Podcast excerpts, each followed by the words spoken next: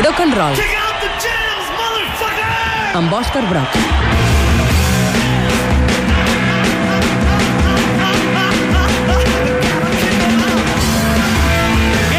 Atenció, futurs que poden passar, futurs plausibles que ens fan por. Avui l'Òscar arriba carregat d'optimisme.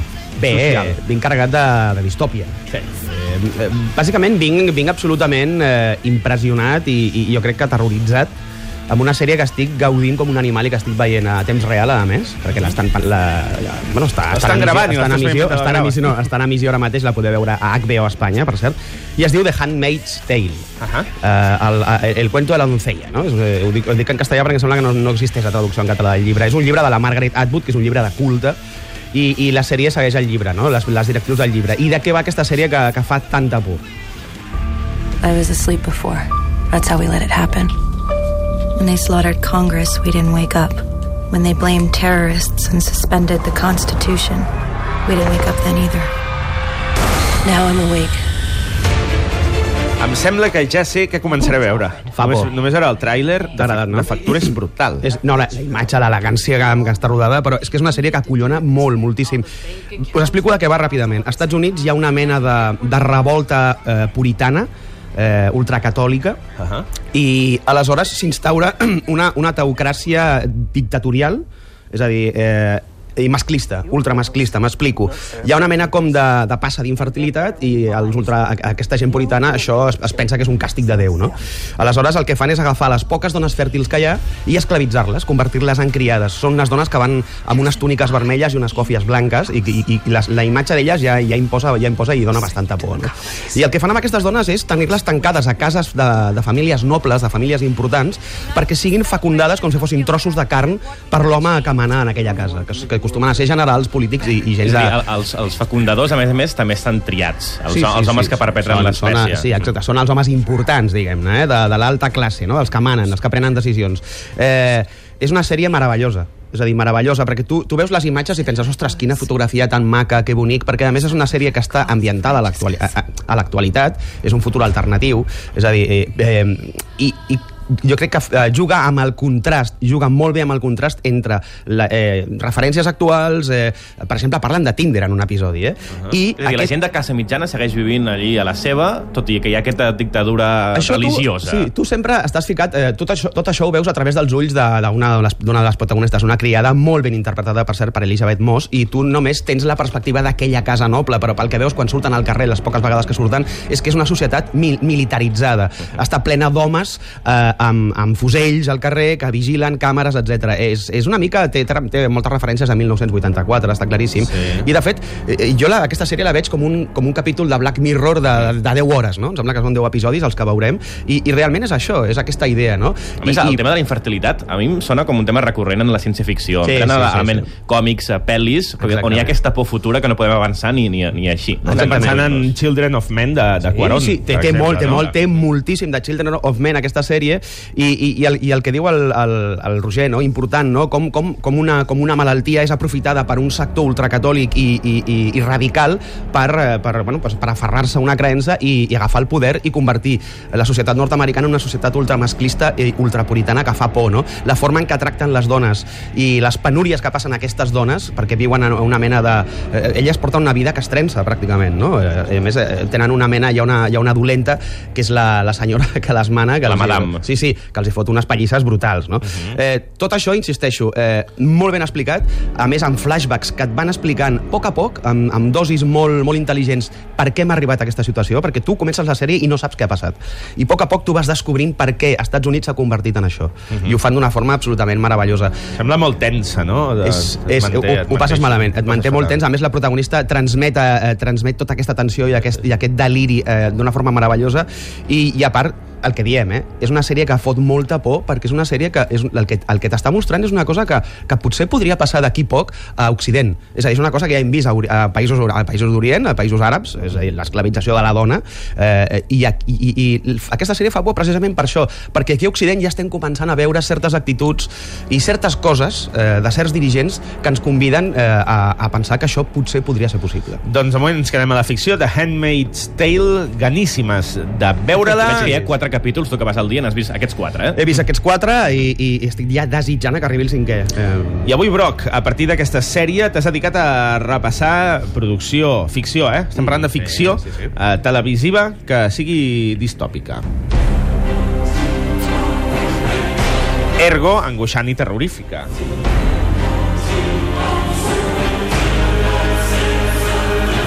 I la que ve ara jo trobo que va quedar... va passar potser una mica desapercebuda. Totalment d'acord. Però si ens la portes és, és que et va agradar. Es diu Jericho i potser de l'any 2006, potser alguns us sona, i a mi em- em sembla això, que potser vaig veure algun i que a molts ens va sonar, però potser ens, ens vam oblidar. Estàvem mirant Perdidos, el 2005. No sé. Què passa amb Per Jericho? mi aquesta sèrie és molt de culte. És, és una de les grans sèries distòpiques que s'han fet. El que passa que va tenir la mala sort de no tenir prou audiència i de ser maltractada per la seva cadena. Però jo crec que és una sèrie que amb la promoció adequada, etc hauria, hauria arribat molt lluny. Es diu Jericho i bàsicament ens, ens, ens situa en, en un escenari en el qual hi ha hagut un atac massiu a Estats Units, un atac nuclear massiu a Estats Units, 23 ciutats principals del país han estat eh, volatilitzades eh, eh, en aquest atac massiu. No sabem res més perquè bàsicament el que fem és veure com viuen aquesta situació a un poble petit que es diu Jericho de Kansas, eh, doncs, eh, doncs bueno, gent, eh, gent de l'Amèrica rural. Que no? es queden incomunicats, Sí, no? es queden incomunicats eh, i, i tu eh, eh, tot el que passa ho veus a través d'aquesta gent. Per tant, no t'assabentes gaire del que ha passat, eh, a, a menys que ells eh, agafin informació d'algú que ve o d'algú que els explica alguna cosa. Eh, està molt bé perquè juga molt bé aquestes dues línies argumentals. La primera, que és eh, què ha passat eh, amb Estats Units, què ha estat un atac nuclear, ha estat una guerra civil, qui ha, qui ha estat el que, el que ha apretat el botó, i després també juga amb totes les tensions i amb totes les estructures socials que eh, es produeixen a una situació com aquesta, sense llei, eh, sense recursos i amb una situació d'incertesa absoluta per tothom. No? Sembla que va agradar molt, tot i que es va cancel·lar Va a la primera temporada. Els fans van aconseguir que es tornés a gravar una tanda de set episodis fins que van tancar la sèrie, com a mínim I, la van va haver culminar. conclusió? Va haver una semiconclusió... Semi, eh? eh, sí, sí, jo crec que no va ser gaire satisfactòria pel que, pel que, pel que ens havia donat la, al començament de la sèrie, Val. no? perquè veies que era una, que era una sèrie que, dona, que havia donat, hauria donat pel molt i a més que jo crec que tenia un argument que anava per més. Per cert, Stephen, King, King, Stephen King approval, eh? la va, la, la va recomanar Stephen King al seu moment i diu que és una de les seves sèries favorites. Va, i la que teníeu tots al cap. Just play it.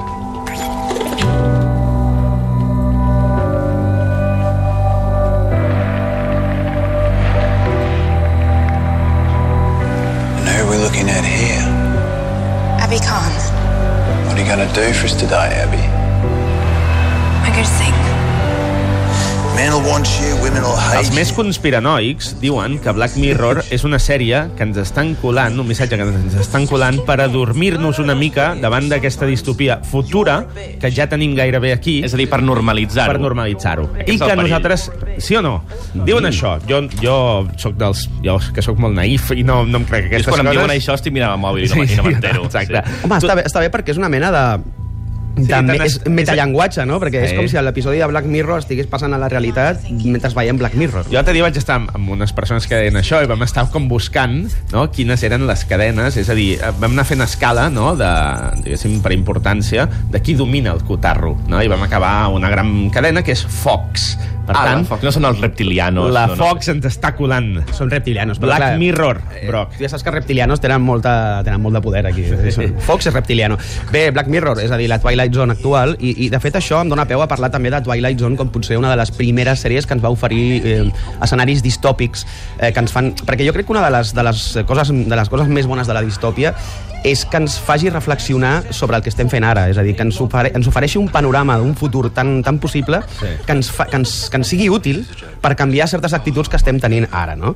I Black Mirror això ho fa a la perfecció, és a dir, i a més ho fa amb futurs imminents, no ho fa en futurs que ens queden molt lluny, i això és el que fa encara més por, no? Em, remet, em remeto a l'última temporada al mític episodi d'aquest en el qual ens relacionem socialment amb likes i ens puntuem amb el mòbil, no? Això passarà d'aquí poc. Sí, ja està, ja passa una mica, no? I, i Black Mirror té aquest, aquesta capacitat profètica de veure coses que estan a punt a punt de passar i jo pare ho fa amb aquell llenguatge ultramodern, eh, ben escrit, amb, amb grans actors i amb una estètica impecable. No? Jo crec que és la sèrie distòpica per excel·lència actualment. The Man in High Castle. If you could do anything with your life, what would you like to do?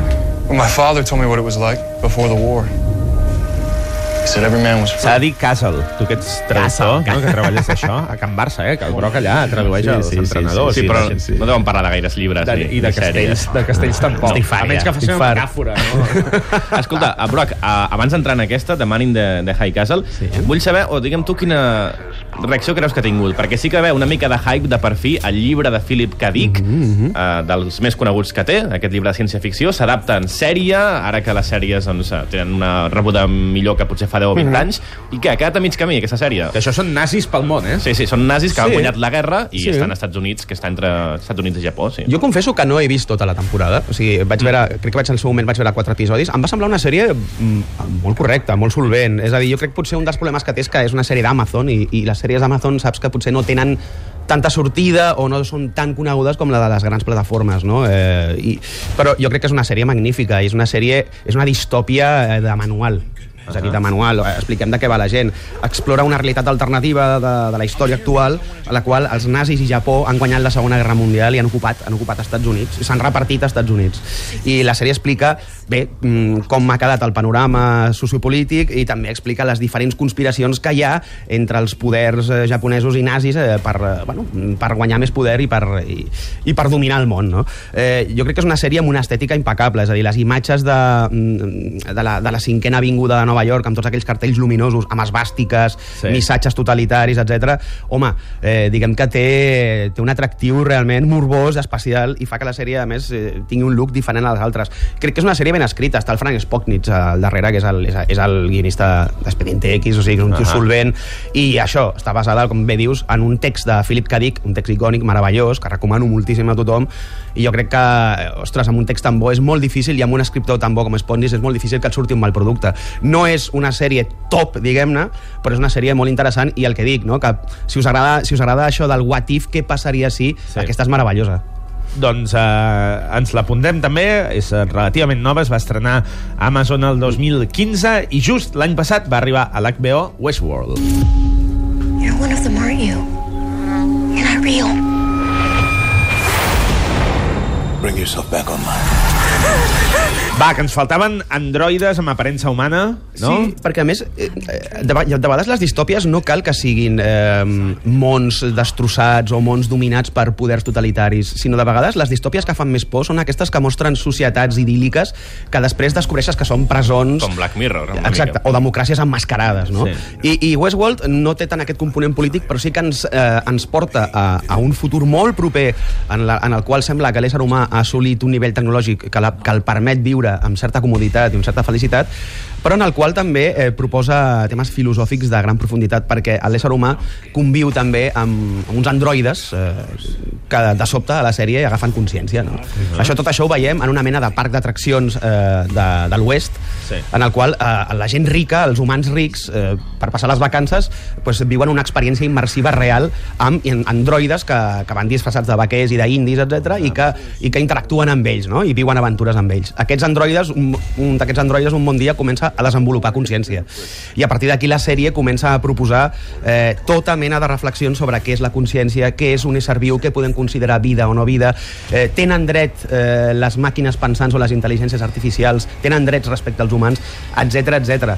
Eh, home, aquí darrere està el Jonathan Nolan, el germà de Chris Nolan, que és un escriptor collonut i que ha fet una sèrie que jo crec que HBO no s'esperava que tingués tant d'èxit, però sí, hi haurà segona temporada fins al 2018, per això. Um, aquest, aquest, aquest recull que ha fet el Broc, el va fer ahir, el, ahir al matí ens l'enviava i ens deia, ei, nois, parlaré d'això. Però just ahir vas veure una sèrie que volies afegir ara, de fet Em la apuntada encantar. al mòbil. Sí, sí, perdoneu, Black és que... Mirror. No, saps què passa? Perquè eh, la vaig veure ahir a la nit i ja, clar, el guió estava enviat i, i, i no havia temps, però, ostres, la vull recomanar a la gent perquè la vegi. Es diu Ocupert amb dues Ks. Mhm. És una sèrie noruega eh, que explica una realitat també distòpica molt interessant, eh, en la qual a Noruega eh, ha guanyat eh, el partit dels verds i és un partit que decideix eh, eh, parar l'extracció de, de combustibles fòssils, etc. I, i el que fa que Europa s'emprengui molt perquè necessita d'aquests combustibles. I el que passa és que Rússia envaeix Noruega eh, per apoderar-se de tots aquests recursos. De fet, al, al pòster surt un palau que potser és el Congrés dels Diputats de Noruega i amb la bandera russa allà Mm. Sí, posada. senyor, sí, senyor. Jo crec que els països nòrdics viuen tots amb la por que un dia o altre Rússia els invairà. el que diu el Roger, i aquí està la grandesa d'aquesta distòpia, que jo crec que reprodueix una por eh, que està a dins, Latent. el, que, que l'està latent en Que aquests està- països. està molt a prop, sí, eh? Sí, està molt, està molt a prop i, i, i, el, i, el, i el senyor que està al poder a Rússia no està gaire bé del cap. No, ho dic, ho dic de veritat, no és un tio que sigui- se'l vegi gaire equilibrat. Va amb cavall i amb el tors nu, eh? Sí, no, no, es fa fotos amb el tors nu, aquest Imagina senyor. Rajoy fent això, Sí, eh? sí, bueno, a més, homòfob eh, eh, confés, és, és, un- és un tio menys preable. Un tio menys preable. té tot. Eh, ostres, recomano molt aquesta sèrie, eh? sobretot per com tracta les, difere, eh, com tracta les diferents eh, dinàmiques polítiques i perquè té un punt de realisme, jo crec que molt, molt, molt interessant, que la fa molt creïble. Ocup, eh, Ocupert, eh? de veritat, gran sèrie. Doncs ens quedem aquesta.